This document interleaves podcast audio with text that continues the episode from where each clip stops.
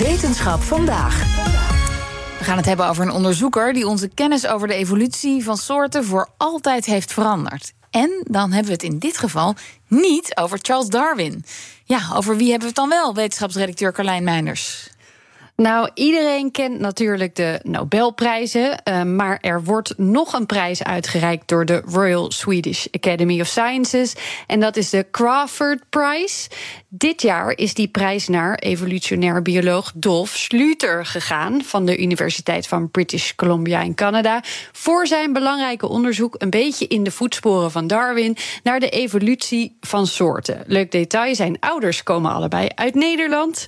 Uh, en dit was zijn reactie reactie op het winnen van de prijs van meer dan een half miljoen euro met dramatisch achtergrondmuziekje. First reaction complete disbelief.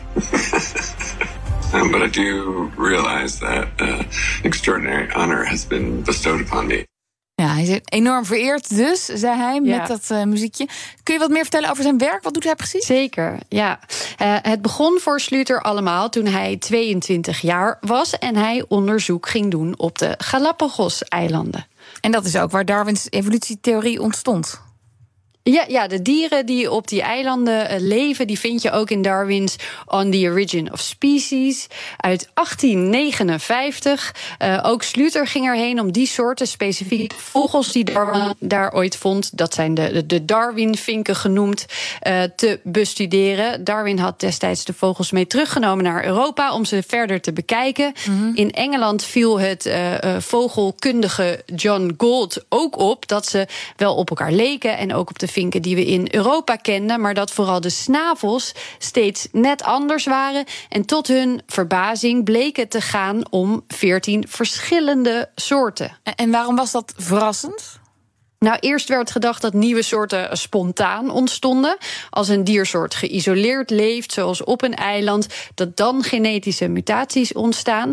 Maar dit veranderde uh, alles eigenlijk. Het vinden van deze soorten op die eilanden, soms meerdere per eiland, allemaal hmm. van één soort vandaan gekomen.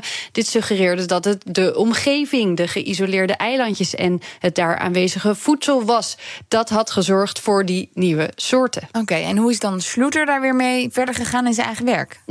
Nou, daar uh, waar Darwin zijn werk uh, baseerde op observaties en gedachte-experimenten, kon Sluter er met zijn werk wat meer bewijs voor leveren. Hij voegde ecologie toe aan de evolutieleer, zowel vanuit het veld als vanuit experimenten.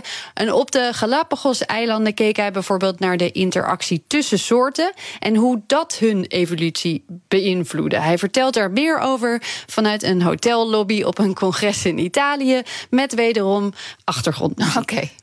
I was looking at um, the diets of finches on the islands, and the most impressive thing to me in that project was how different the islands were from one another, um, but also how much the biology of one species depended on um, which other species were also present on a given island. En wat bedoelt hij daar dan precies mee? Hij uh, zag dat als twee verwante soorten dicht op elkaar leefden, er veel verschil ontstond tussen die twee soorten. Hmm. Bijvoorbeeld in dieet, in gedrag, maar ook in vorm. Denk aan die snaveltjes. Uh, en kwamen twee verwante soorten bijvoorbeeld elk op hun eigen eiland voor, dus zaten ze niet dicht op elkaar. Dan waren er veel minder verschillen te zien. En waar dat door komt, uh, is ook best wel logisch. Als ze dicht op elkaar zitten, moeten ze het gebied en het eten delen. En dan heeft het natuurlijk een voordeel om je zo aan te passen dat je specialist in iets anders wordt. Ja. Bijvoorbeeld iets anders qua eten. En dan is het ook handig als je gereedschap, je snavel in dit geval, mee verandert. Nou, die puzzel die heeft hij steeds verder uitgewerkt. As part of my work, I tried to take what information we had learned about how seeds and seed supplies influence natural selection on populations to make predictions about what beak sizes should evolve on islands given the seeds that were available there. Dus hij probeerde de evolutie zelfs ook te voorspellen. Ja, ja, welke zaden zorgen dan uiteindelijk voor welke snavels? En welke invloed hebben andere soorten in de omgeving daar dan weer op? Gebruikte hij later ook computermodellen voor. Maar goed, dat is nog steeds geen experiment. Experimenten waarin je bijvoorbeeld zou kunnen kijken: wat gebeurt er als ik zelf een nieuwe soort toevoeg? Welk effect heeft dat dan op natuurlijke selectie? En om daar meer over te kunnen zeggen, switchte hij van de vinken naar drie doornige stekelbaarzen. Waarom dan stekelbaarzen? Omdat hij daar iets vergelijkbaars zag. Waar twee verwante soorten in een meer voorkwamen, veranderden de kenmerken van de vissen het meest. En dit kon hij ook in experimenten bekijken. Ja, ja, dit is hij inderdaad ook gaan bestuderen in onderzoeksvijvers. Door bijvoorbeeld soorten wel of niet bij elkaar te zetten. En daarmee kon hij weer bevestigen hoe eh, voedselcompetitie en de aanwezigheid van andere soorten van invloed waren op de verschillen die ontstonden. Hij raakte ook geïnteresseerd in uh, ontstaan er dan ook mixen.